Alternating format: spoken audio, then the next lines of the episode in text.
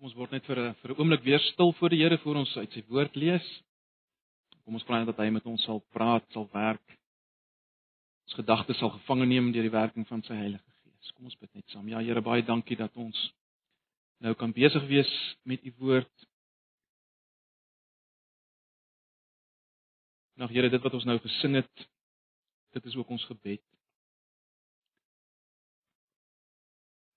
En die verlange van ons hart is Here dat U in hierdie oggend met ons sal praat, ons wat hier is. Dat U weer eens deur die woord maar net vir ons sal help om om reg te dink oor U. En ja, Here, uiteindelik om om reg te leef. Ons weet dat hoe ons dink oor U bepaal uiteindelik hoe ons gaan lewe.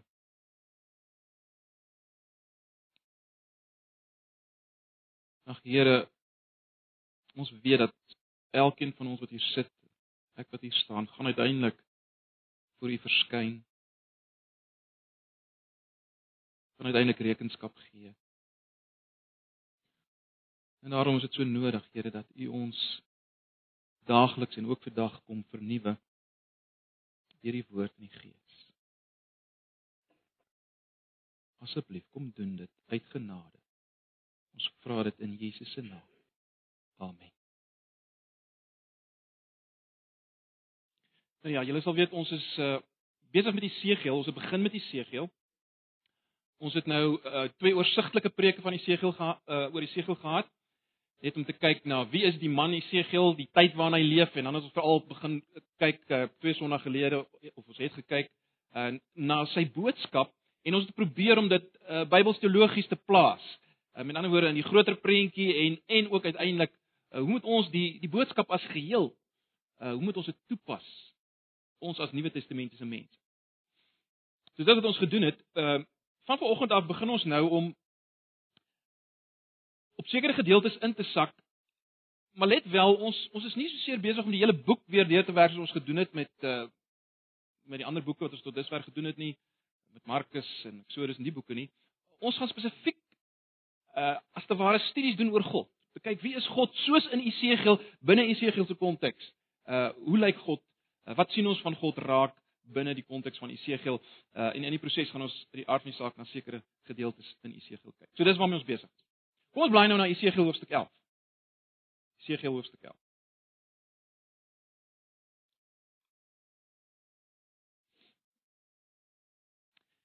Kom goed wees as jy die gedeeltes oop het en volg uh dis maar bybly.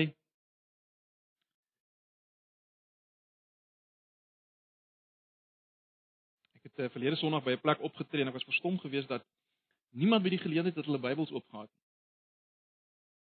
Hulle het net nie hulle Bybels oop. So dis nogal baie moeilik om dan uh, by te bly en uh, te volg as mens nie die Bybel oop nie. So, kom ons bly na Jesegiel 11.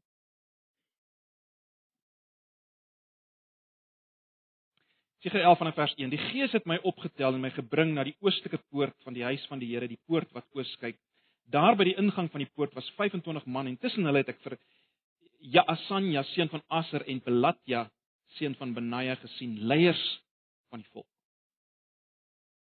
Die Here het my gesê: "Mens, dit is die manne wat die sonde bedink en die slegte leiding in hierdie stad gee.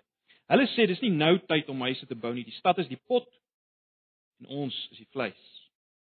Tree op as profeet teen hulle, tree op as profeet mens.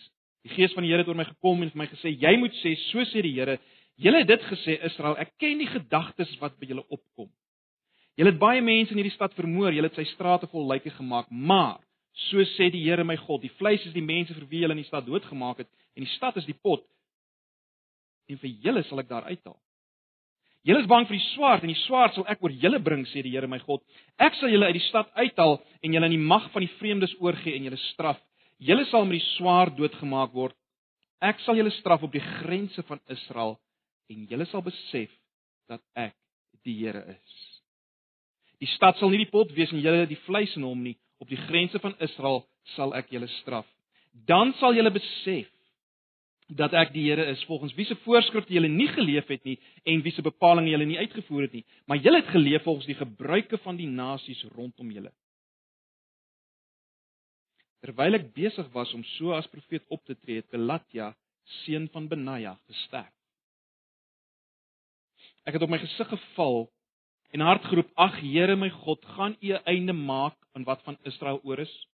Toe kom die woord van die Here tot my mens: "Dit is van jou broers, jou familie en die hele Israel dat die inwoners van Jerusalem sê: Hulle is ver van die Here af en hierdie land is vir ons as besitting gegee."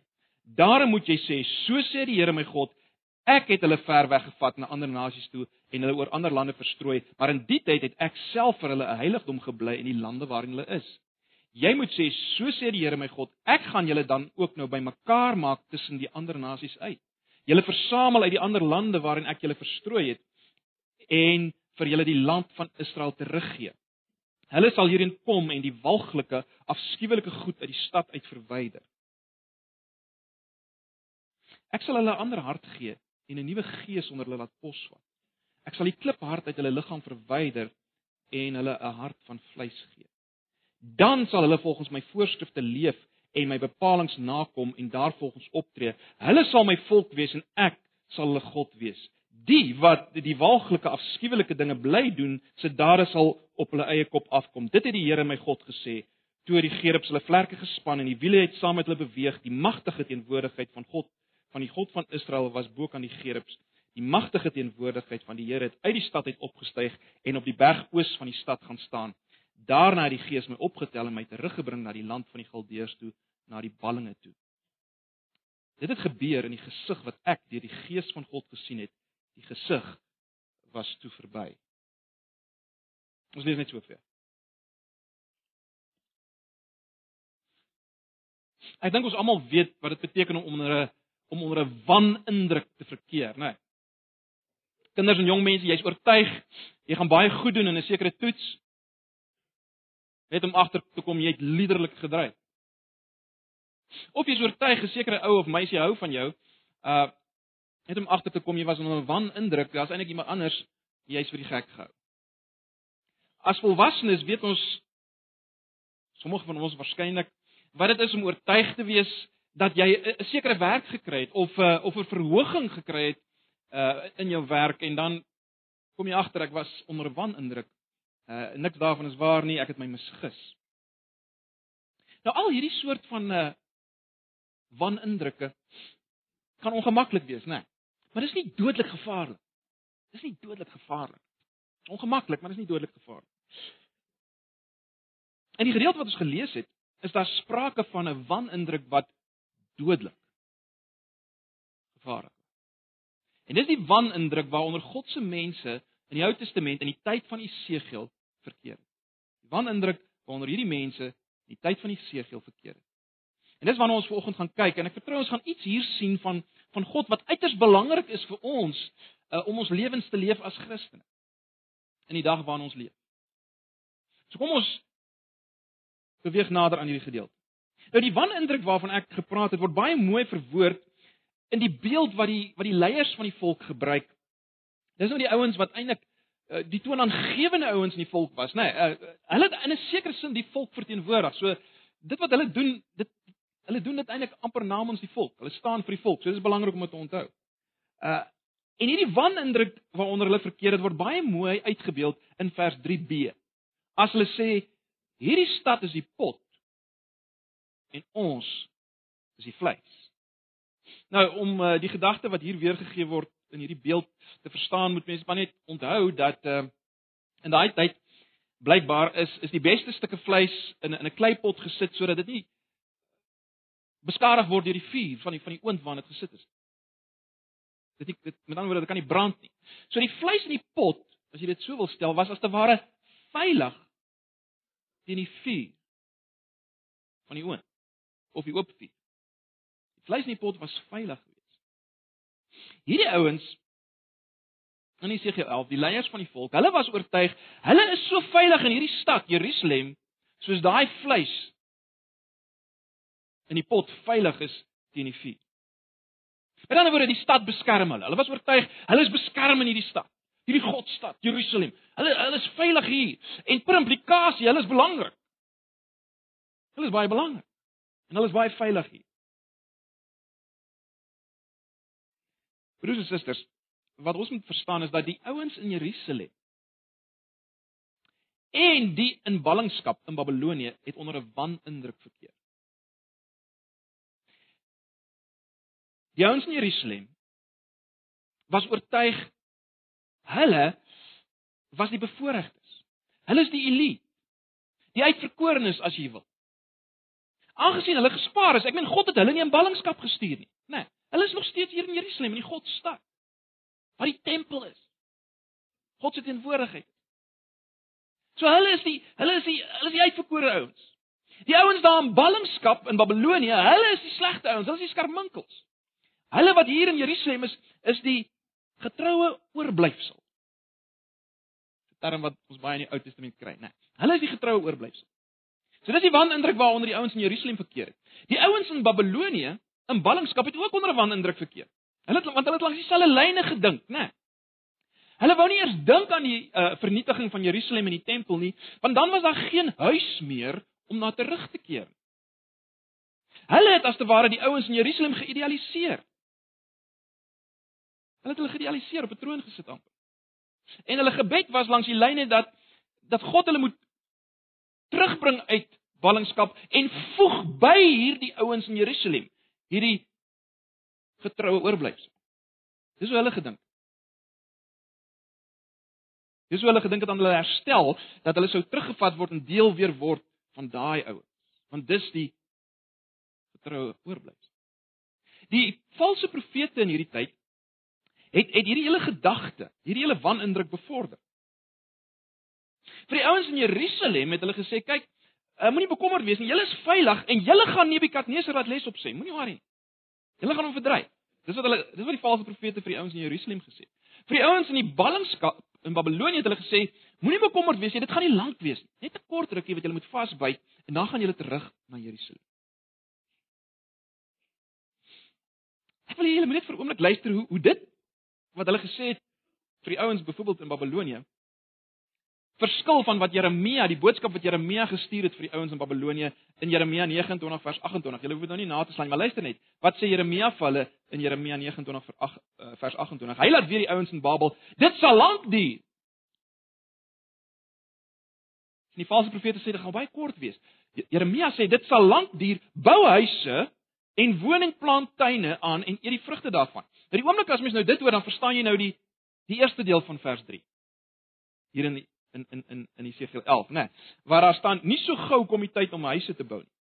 Met ander woorde waarskynlik wat ons hier kry is die ouens in Jerusalem wat wat soort van verwys na die uitspraak van Jeremia of die gedagte van Jeremia. Met ander woorde die ouens in Jerusalem sê die ouens in Babel moenie so vinnig huise bou nie. Die situasie gaan verander. Die situasie gaan verander. Gaan nie nodig wees om huise te bou uh in Babel. En natuurlik en hy sê daarvan gaan hulle direk teen die Here se woord in, die ware woord van die Here wat hy vir Jeremia gegee het, naamlik bouhuise. Jy sien, baie belangrik, nou kom God en hy sê dis nou hulle gedagtegang en God kom nou en hy sê julle verkeer onder 'n wanindruk. 'n Baie gevaarlike een. Die situasie is presies die teenoorgestelde as wat julle dink. Die mense in Jerusalem gaan vernietig word. Die getroue oorblyfsel is die in ballingskap. En ek gaan hulle herstel. Maar waar dit sê God sê vir hulle die enigste ouens wat veilig is in die stad, is die ouens wat doodgemaak is deur julle. Dis die enigste ouens wat wat die vleis in die pot is. Die ouens wat deur julle selfversekerde leiers doodgemaak is. Julle sal sien dis die gedagte daar in vers 7. So, wat ons in hoofstuk 11 kry, uh broers en susters, is God wat Esegiel deur die Gees bring vanaf Babel na Jerusalem se tempel om te kom profeteer oor hierdie tragiese, ironiese toestand. En in hierdie profesie leer ons geweldige dinge van God. So ek wil nou hê ons het nou ons het nou die breë prentjie gegee van die misverstand. Kom ons zoom nou 'n bietjie nader. Kom ons zoom nou 'n bietjie nader. En ek dink die eerste belangrike ding om raak te sien is dat die God waarmee Israel te doen gehad het, die God waarmee die ouens in Jerusalem te doen gehad het, die God waarmee ons te doen gehad het, die eerste ding wat ons moet raak sien in hierdie gedeelte is dit: Hy weet alles. Hy weet alles. Julle sal onthou ons het in die oorsigtelike lesing gekyk na daai visioen van Jesegiel in hoofstuk 1 en wat daar na vore gekom het is dat God die absoluut transcendente, groot, heerlike, heilige God sal jy onthou is mobiel. Dit is die betekenis van die wiele in daai beeld, né? Nee, hy kan oral wees, per implikasie kan hy oral sien. Hy weet alles. En dit word nou verder hier bevestig. Ons sien dit byvoorbeeld in vers 2 as Esegiel daarop wys dat uh hierdie leiers van die volk gee nie net slegte raad nie, hulle hulle bedink. In vers 5 sê die Here baie eksplisiet, sien julle dit? Hy weet wat in die mense gedagtes opkom. sien julle dit? Vers 5. Vers 5.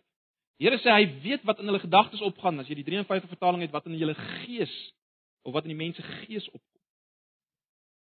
En ek dink dit is baie belangrik om vers 12 in die lig hiervan te lees. Julle sal sien in vers 12 gee God as te ware die kern van die volk se sondes weer. sien julle dit? Die, die kern van die volk se sonde is wat? Eerstens, hulle het nie volgens God se voorskrif en bepalinge geleef nie. Maar dan baie belangrik, hulle het geleef volgens die gebruike van die volke rondom hulle. So aan die een kant het hulle nie volgens God se voorskrifte en bepalinge geleef nie, aan die ander kant het hulle geleef volgens die gebruike van die nasies rondom hulle. So dit was die kern van hulle sonde wat hier uitgelig word. Maar nou baie belangrik, in die lig van vers 5 kan ons sê dat hulle het hierdie dinge in hulle binneste gedoen ten diepste. In wat hulle bedink het. Met ander woorde, in wat hulle bedink het, het hulle God se insettinge oortree en nie daarop ons geleef nie. En in wat hulle bedink het, het hulle geleef in die dinge van die nasies rondom hulle. En dit is baie belangrik om dit so te sien want ons moet onthou, hierdie ouens het wel nog allerlei uiterlike dinge nagekom, uiterlike seremonies wat wat God voorgeskryf het. So as jy so van buite af sou kyk na die ouens in Jerusalem, sou jy niks fout vind nie, hoor. Hulle deur al die nodige dinge gegaan. Al die uiterlike rituele. Hulle hulle het dit nagekom. Hulle het die tempeldiens nog gedoen. Al die regte dinge. Maar baie belangrik. God kyk verby dit. Hy kyk na hulle hart, na wat hulle bedink. En daar sien hy dat hulle nie volgens sy voorskrifte leef. Dat hulle nie sy bepalinge hou. En dis baie belangrik. Hulle lewe in hulle harte volgens hulle harte is eintlik by die by die nasies rondom hulle en die leefwyse van die nasies rondom hulle. Dis waar hulle harte is. As jy net na vers 21 kyk, daar word dit ook uitgelig en, en ek hou veral van die die 53ste vertaling wat die wat die hartsprobleem baie duideliker na vore bring. Die die term hart is bietjie uit, uitvertaal in die 83 vertaling. Ek lees vir julle die 53 vertaling vers 21. Maar hulle wie se hart agter die hart van hulle verfoeisels en hulle gruwels aanloop, hulle wandel laat ek op hulle hoof neerkom spreek die Here. En hy hy praat nou van dieselfde persone, né? Hy praat van dieselfde persone hier. Met ander woorde, wat ons moet sien is dat Hulle harte was nie by die Here nie, maar by die dinge van die nasies. En die dinge van die nasies word letterlik hier uitgelig as verfoeisels en gruwels voor die Here. Die manier hoe hulle geleef het. En dan in vers 23 sien ons dat die heerlikheid van God weggetrek het na die stad. Uh na die berg oos wat oos van die stad is natuurlik is dit die Olyfberg, né? Nee, ons sien in vers 23 die heerlikheid van die Here trek weg. Met ander woorde, die die die punt is God in sy teenwoordigheid. God in sy heerlikheid kan nie saam bestaan met hierdie dinge nie. Hierdie dinge wat in hulle harte ten diepste aangaan. God kan nie saam met dit. En daarom trek sy heerlikheid weg. En dit bring ons by 'n volgende punt wat julle sal sien daar op die op die preekraamwerk. Dit bring ons by God se straf oor sonde. En dis baie baie belangrik. Dis die kern van wat ons moet sien. Ons het nou gesien wat is die volk se sonde ten diepste? Is hulle harte nie meer by die Here nie? Hulle harte is by die insetting en die gebruike van die nasies rondom hulle. Ons het gesien God kan nie meer by hulle wees in sy heerlikheid nie. Dis 'n gevolg van hierdie sonde, want God en sonde kan nie saam bestaan nie en ons moet dit weet. Maar dis nie al wat ons moet raak sien nie. God kan nie maar net hierdie sonde onder die mat vee nie. Hy kan nie maar net sê ag ek maak of ek dit nie raak sien. Dis nie so erg nie. Of ek gaan net nie daar wees nie. Dis nie wat hy doen. Hy straf dit en hy straf dit let wel regverdiglik. Hoekom sê ek hy straf dit regverdiglik? Want broers en susters, ons moet onthou wat is die wat is die situasie hier? Uh, ons het nie hier te doen met 'n uh, met mense wat 'n uh, wat oortree teen 'n vreemde god iewers daar ver wat hulle nie eintlik ken nie en wat hulle nie of vir wie hulle nie eintlik ken nie en, en hy ken hulle eintlik nie. Dis dis nie die situasie nie. Ons moet onthou God staan met hierdie volk in 'n huweliksverhouding, die verbond. En hierdie gedagte van die huwelik kom kry ons natuurlik ook in die Segel. En in baie ander boeke, dink maar net aan Hosea. Maar die punt is die volk staan in 'n huweliksverhouding met hierdie volk. En daarom as God nie optree nie, dan beteken dit ten diepste hy gee nie eens vreeslik om nie. Om dit vir onsself makliker te maak. Hoe sou julle dink oor 'n man wat nie eens omgee dat sy vrou egbreek pleeg nie? Dit maak eintlik vir hom glad nie saak. Is gemaklik. Hy tree glad nie op nie. Dis die punt. Dis die punt. Ons sou geen respek gehad het vir so iemand nie. God tree op regverdiglik hier. Daarom kom hy en hy sê die volgende in vers 8 tot 11. Luister. Hy sê: "Julle is bang vir die swaard. En die swaard sal ek oor julle bring," sê die Here my God. Vers 9: "Ek sal julle uit die stad uithaal en julle in die mag van vreemdes oorgee en julle straf. Julle sal met die swaard doodgemaak word. Ek sal julle straf die grense van Israel en julle sal besef dat ek die Here is. Die stad sal nie die pot wees en julle die vleis in hom op die uh, in die vleis in hom nie. Op die grense van Israel sal ek julle straf. Net so vinnige opmerking oor vers 11. Uh hierdie gedagte van die grense van Israel is baie interessant dat toe die Babiloniërs uiteindelik Jerusalem verower het, het uh, koning Nebukadneser in Ribla gebly wat op die grens uh, van die land was. En is daar uh waar waar hy as te ware sy sy oordeele uitgespreek het. Koning Sedekia is na hom gebring, is gevang en gebring na Ribla. En en is daar waar Nebukadneser voor Sedekia se oë sy seuns doodgemaak het en sy Sedekia koning Sedekia van Jerusalem se oë uitgesteek het en hom in ballingskap weggevoer het op die grense van Israel. En Esegiel voorspel dit hier al nê nee, onder leiding van die Gees. Hy sê dis waar die strafgerig uitgeoefen gaan word onder andere by die grense van Israel. Maar baie belangrik wat sien ons hier? Ons sien God is die een wat die swaard oor hulle bring. sien julle vers 8 Julle het die swaard gevrees, maar ek gaan die swaard oor julle bring. Vers 8.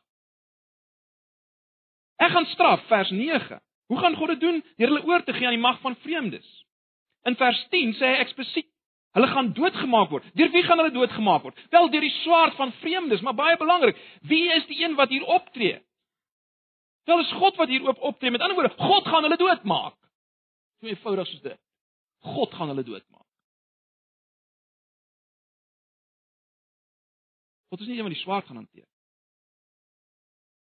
Dis die vreemdes wat dit gaan doen, maar God sit agter dit. Dit is baie belangrik om te raak te sien.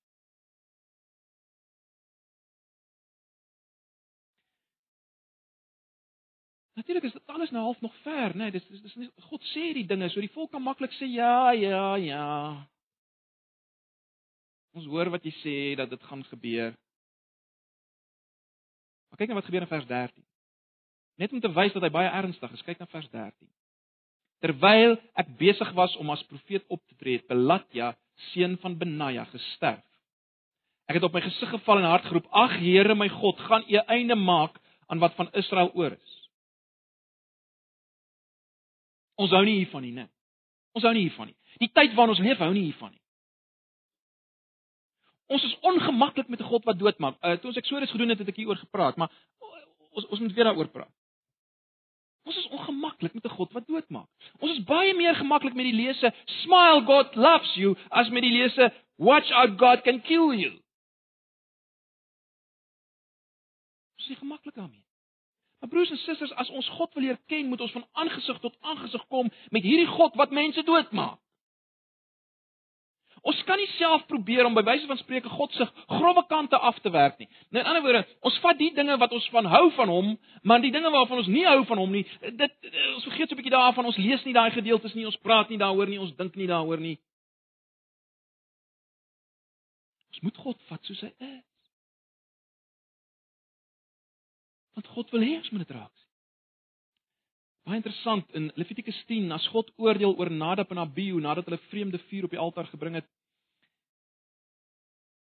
Nadat hy oor hulle geoordeel het, hulle doodgemaak het, dan lees ons in vers 3 van Levitikus 10 dan sê die Here in die wat naby my is, wil ek my as die heilige laat ken en voor die oë van die hele volk wil ek my verheerlik. Dis wat hy sê nadat hy hulle doodgemaak het. Ek wil my laat ken as die heilige. Ek wil my verheerlik voor die hele volk.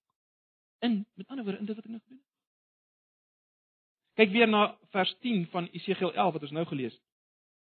Julle sal met die swaard doodgemaak word. Ek sal julle straf op die grense van Israel en julle sal besef dat ek die Here is. En julle sal besef dat ek die Here is. Kyk na vers 11 en 12 van Esegiel 11. Die stad sal nie die pot wees en julle die vleis in hom nie. Op die grense van Israel sal ek julle straf.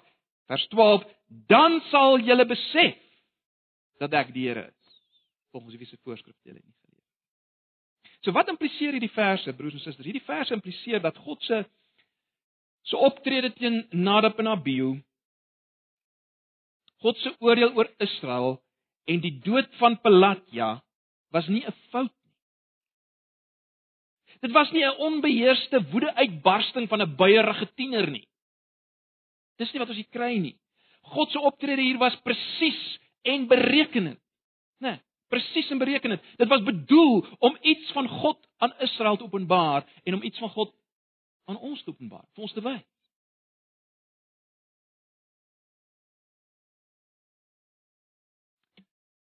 In vers 13 is Esegiel plat geslaan. Hy's plat geslaan deur dit wat nou gebeur het. Hy het van aangesig tot aangesig gekom met die God wat mense doodmaak. Pelatjas dood, En Esegiel is nie meer hy's nie meer seker of daar enigsins 'n oorblyfsel gaan oorbly in Israel nie. Ek meen gaan God nie dalk hulle almal eenvoudig net afvee van die aardbol nie. Ek meen as die bevoorregte ouens as die bevoorregte ouens, die ouens wat nie in ballingskap weggevoer is nie, die ouens in Jerusalem, as dit is wat met hulle gaan gebeur, wat nou met Pelatja gebeur, ek meen wie bly oor? Wie gaan dit maak? Ag, broers en susters, dan sien ons weer hoe verrassend anders God is as hy in vers 14 en verder Esegiel antwoord.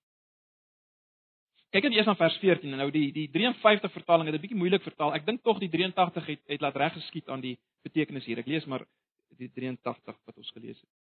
Mens, dit is van jou broers, jou familie en die hele Israel dat die inwoners van Jerusalem sê, hulle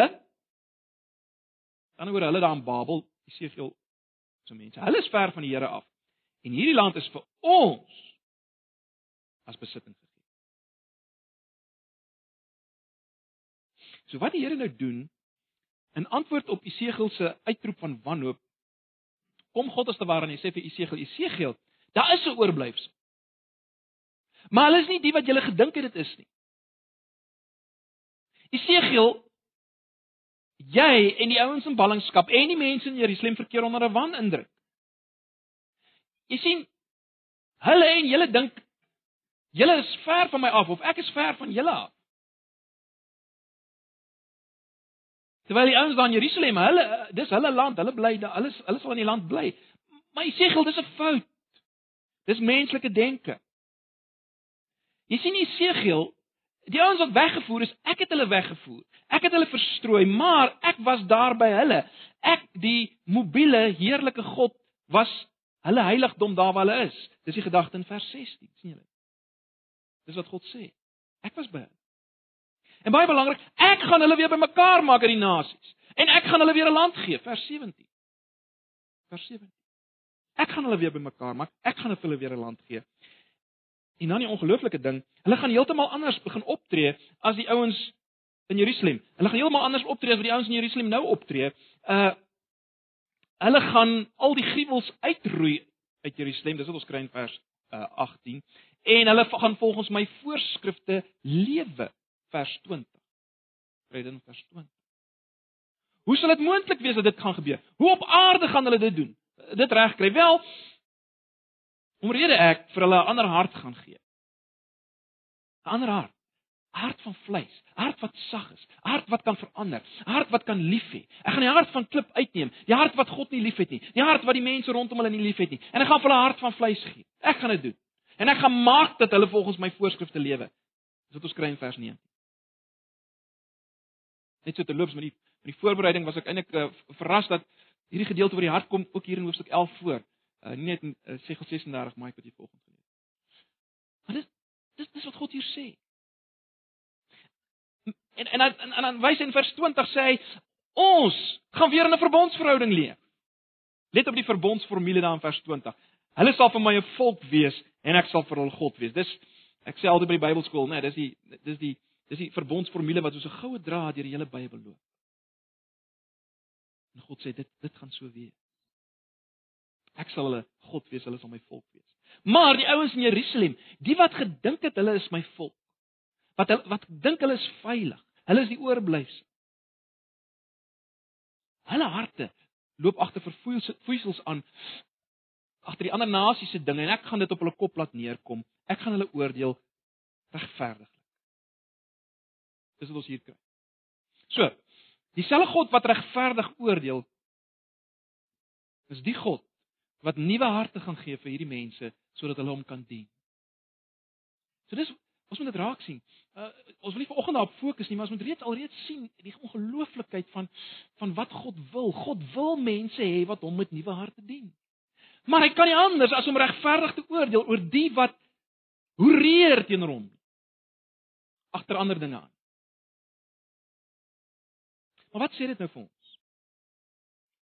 Wat sê dit alles vir ons? Nou, Ek het reeds daarna verwys dat ons in die oorsigtelike preke gewys het hoe Esegiel histories Bybels teologies verstaan moet word. En ek wil nie te veel, ek wil nie nou baie daaroor weer uitbrei nie. Maar ook hierdie gedeelte moet in die eerste plek natuurlik uh histories en Bybelteologies Bybels teologies verstaan word. Ons moet verstaan God het die ouens in Jerusalem gestraf. Ek het net nou daarna verwys. Hy het hulle. Daar was 'n terugkeer van die ballinge na die land. Maar as mense Die Ou Testamentiese gedeeltes wat verwys na die teruggekeer gaan lees, ek het al daarna verwys, dan sien mens, dit was 'n groot teleurstelling. Dit was verseker nie dit alleen waarna God verwys het in hierdie beloftes en hierdie profeseë nie. God het na iets meer verwys. En dit is wat ons kry in die Nuwe Testament, die iets meer. Ek het verwys uh, twee sonnae gelede na Matteus se inleiding waar dit baie duidelik is dat Jesus is die einde van die ballingskap. Ek gaan nou nie weer daarop uitbrei nie, ek gaan gaan luister maar die CD. Matteus se inleiding wys Jesus is die einde van die ballingskap. En is dit nie geweldig interessant dat as Jesus God die seun optree hier op aarde, die een baie interessant van wie Johannes sê in hom het ons die heerlikheid van God gesien. Die heerlikheid waarvan Jesegiel praat, die heerlikheid van God was in Jesus. Johannes sê ons het in hom gesien. En nou is dit nie interessant as hierdie Jesus, die een in wie die heerlikheid van God sigbaar was, as hy begin rondbeweeg, wat sien ons? Hy roep die tollenaars en die sondaars. En sondaars natuurlik in in die in die Testament uh, almal was sondaars, nê, nee, maar dit was dit was 'n sekere klas ouens wat as deur die deur die Jode gesien het as gesien het as gesien is as die ouens wat onrein is, nê. Nee. Die tollenaars, die prostituie.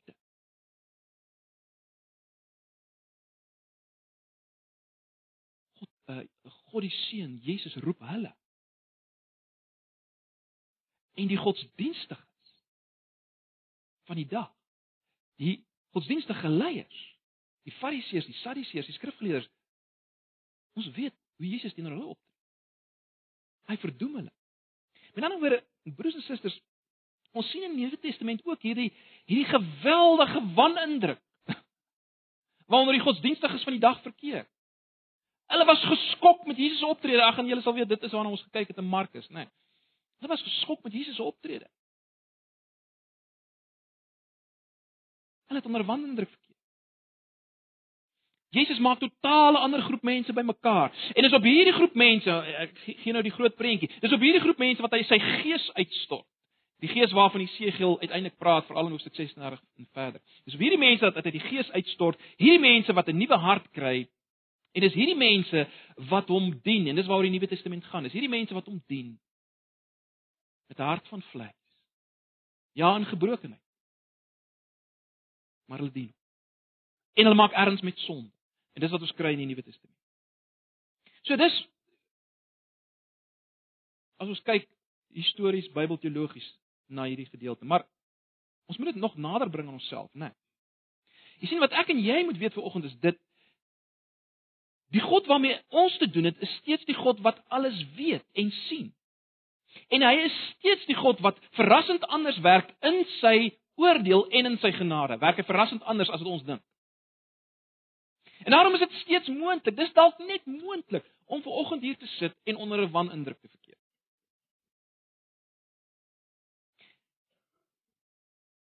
My gebed is en ek vertrou dat daar daar niemand sal wees wat ver oggend onder 'n wanindruk verkeer nie, maar dit mag dalk net wees dat hier iemand sit ver oggend wat onder 'n wanindruk verkeer.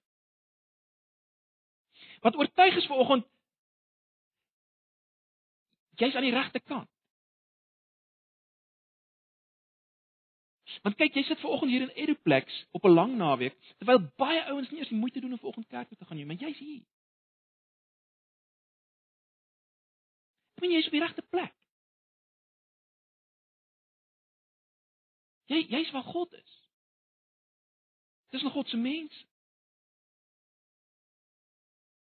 Teenoor die ouens daar buite. Jy sien, daar is die moontlikheid dat jy jou ver oggend misgis is net nie pas moontlik. Die eerlike vraag wat wat ons almal onsself vanoggend moet afvra is dit: Waar is my hart? Waar is my hart? Want dis wat God vir God tel. Is my hart by God of is my hart by die wêreld, net soos die hart van die mense in Jerusalem by die ander nasies was en wat hulle gedoen het? Wat is my hart? Waarmee hou ek my eintlik besig in my gedagtes? In my tyd. Hou ek my nie maar besig met die skindernuus oor sport en filmsterre? Ons in die huisgenoot kry nie. Hou my besig met die sinnelose gemors van Sewende Laan?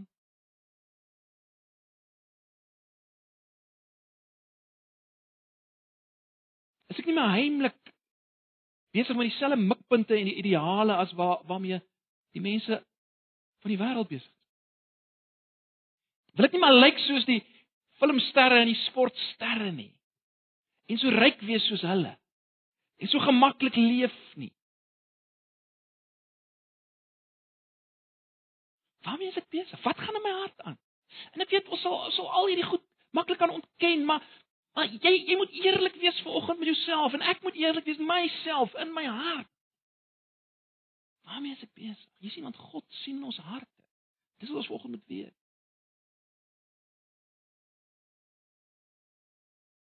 Dink ons nie tog maar God is gelukkig met my omdat moet ek darm nog nou en dan 'n gebed doen en darm nog nou en dan my Bybel oopmaak?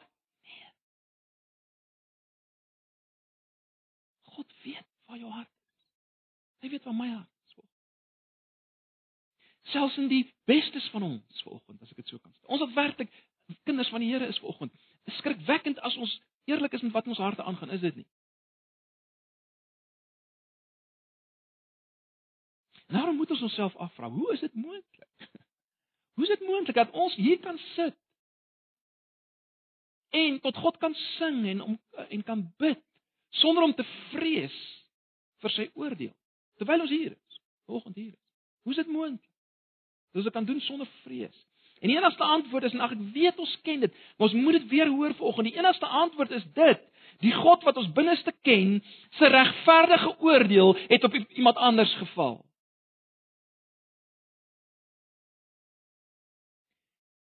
Die dood wat my moes verteer en vir jou moes verteer, het iemand anders verteer. Ons moet dit vanoggend weer hoor. Broers en susters, as Jesus God die seun aan die kruis hang, dan val God se regverdige oordeel oor geestelike hoerery op hom. Die oordeel wat my en jou moes tref, vir die mense rondom ons moes tref. Dit val op hom. God sê vir Jesus in daai oomblikke: "Wee jou, wee jou vir jou ongehoorsaamheid aan jou ouers, wee jou vir jou leuns. Wee jou vir jou valsheid, vir jou voorgee. Wee jou vir jou vuil taal. Wee jou vir jou egbreek. Vir jou besig wees met pornografie. Jou gierigheid, jou hoogmoed, jou diefstal.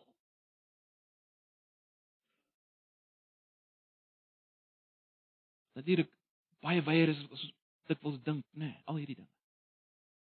God sê dit vir Jesus en God se oordeel tref Jesus.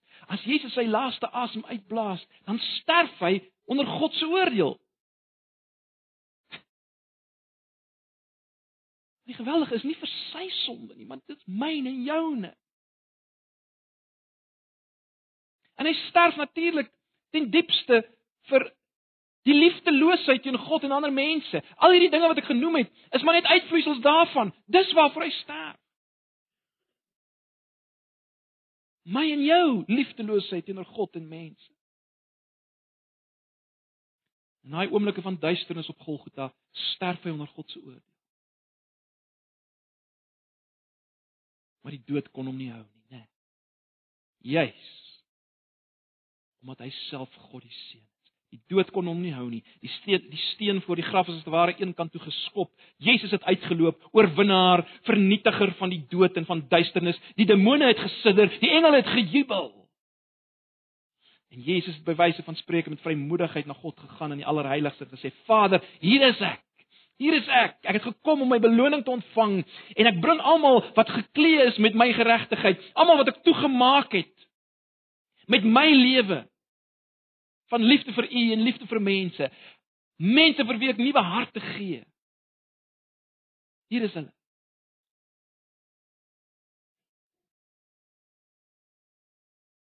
Die Vader het as ware bewyse van spreuke vir Jesus gesê: "My seun, neem die vreugde in besit." neem die heerlikheid volkome besit. Ag, dis die ongelooflike nuus van die evangelie, is dit nie broers en susters? Maar vanoggend moet ons nie te vinnig daarby uitkom. Ons moet vanoggend toelaat dat die lijk van Pilatia en die mense wat in Jerusalem gesterf het, ons ons net vir 'n oomblik herinner, wie is die God wat ons dien?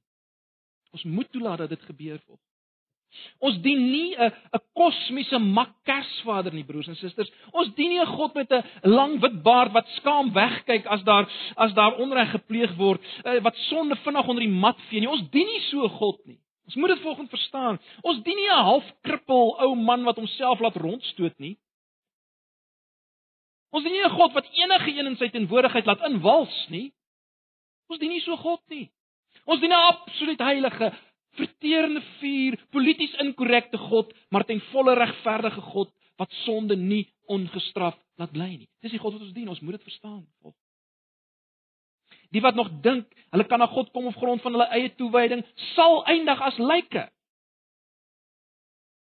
Ons moet veraloggend herinner word en verstaan dat ons kan net met vrymoedigheid kom as ons geklee is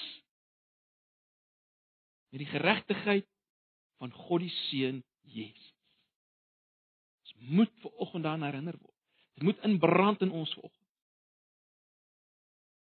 Ons kan net voor God kom as mense met nuwe harte.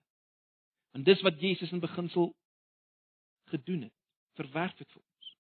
En ons moet weet Ons moet weet God oordeel. God maak dood. Absoluut, ons moet dit weet. Om die waarheid te sê, hy die een wat die kosbaarste is en die naaste aan hom is doodgemaak. Jesus, sodat jy en ek kan lewe. So ons moet dit weet van God.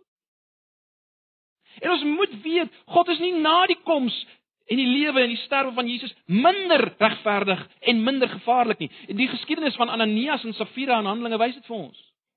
Net so vinnige prentjie om ons daaraan te herinner. So as jy as Christen speel met God, jy speel met vuur. Maar natuurlik, en dis die wonder, dit is nou moontlik. Dit is nou moontlik om om met skoon nuwe harte vir God te lewe deur die werk van Jesus en die koms van die Heilige Gees. Die Heilige Gees waarvan Jesegiel later baie praat. Dis moontlik. Maar vir wie is dit moontlik? Wel, dis moontlik vir vir die wat weet hulle is in geestelike ballingskap. Hulle onthou ons het in Markus gesien Jesus het gesê ek het nie gekom om regverdiges te roep nie, maar sondaars tot bekering. En dis maar die boodskap wat ons nou ook moet hoor weer, né? Jesus het gekom vir die wat weet hulle is in ballingskap. Met ander woorde wat besef hulle is nie vry nie. Wat besef hulle is gevangenes van die Satan en van hulle eie luste en van hulle eie begeertes en van hulle eie verslawings. Hulle is nie vry nie, hulle is gevangenes. Wie dit vanoggend besef en dit weet en na Jesus vlug. Vir jou is die beloftes van 'n nuwe hart. En ons weet vanoggend die enigste rede waarom hierdie beloftes gemaak uh kon word is is weer eens as gevolg van die finale koning Dawid, die finale Je Jesus. En dit wat hy gedoen het. Maar dit is moontlik vanoggend. Dis moontlik om te draai teen gruwels, teen die wêreld. Dit is moontlik om God met 'n nuwe hart te dien. Ja, natuurlik in gebrokenheid, nie in volkomendheid nie. Ons leef in hierdie spanning wat ek al baie oor gepraat het. Alreeds het ons 'n nuwe hart in Jesus. Maar is ook nog 'n nog nie aspek, daar's 'n stryd. Maar in beginsel kan ons kan ons volgens God se voorskrifte leef. Dit is belangrik die die kenmerke van 'n kind van God is dit. Dis nie maar net ek sê ek het 20 jaar gelede tot bekering gekom nie. Die vraag is leef ek nou vir die Here en vir sy voorskrifte? Verwyder ek die gruwels? Soos dit hier genoem word nie. Dis die kenmerke van 'n kind van God. En dit alles natuurlik as gevolg van Jesus. As gevolg van Jesus. Ag ek sluit af. Dit is baie interessant dat die die laaste plek waar Isegiel die heiligheid van God sien is op die berge oos van of die berg oos van Jerusalem. Die Olyfberg. En dit is natuurlik die dieselfde berg, nê, nee, waarvandaan Jesus opgevaar het. Nadat hy alles gedoen het wat nodig is om vir ons nuwe harte te gee, 'n nuwe gees. Hy opgestyg van die Olyfberg. En nou lyk dit vir my dat Jesus, God die Seun in sy heerlikheid, gaan weer op die Olyfberg terugkom. Sagaria 14 vers 4 sê daardie dag sal sy voete op die Olyfberg staan oos van Jerusalem.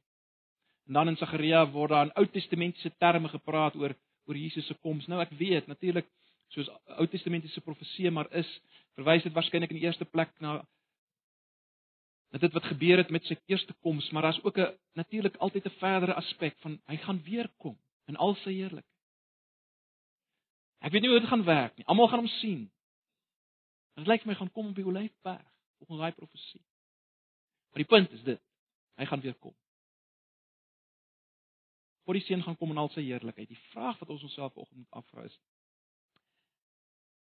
Is ons gereed vir die ontmoeting met die regverdige God? Is ons gereed vir 'n ontmoeting met die een wat regverdig oordeel?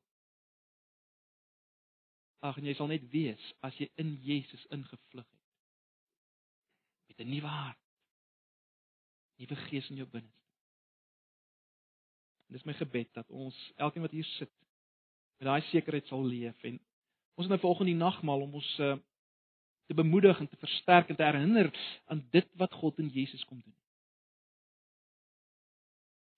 Kom ons gebruik dit so. Kom ons gebruik volgende die nagmaal as as as versterking vir ons geloof.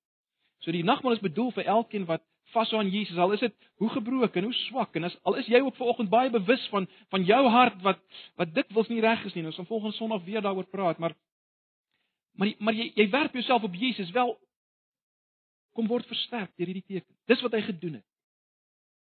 Sy liggaam is gebreek, sy bloed het gevloei sodat ons deel kan hê aan 'n nuwe verbondsverhouding, 'n huweliksverhouding met God in Jesus. Kom ons bid saam en gebruik ons die nagmaal.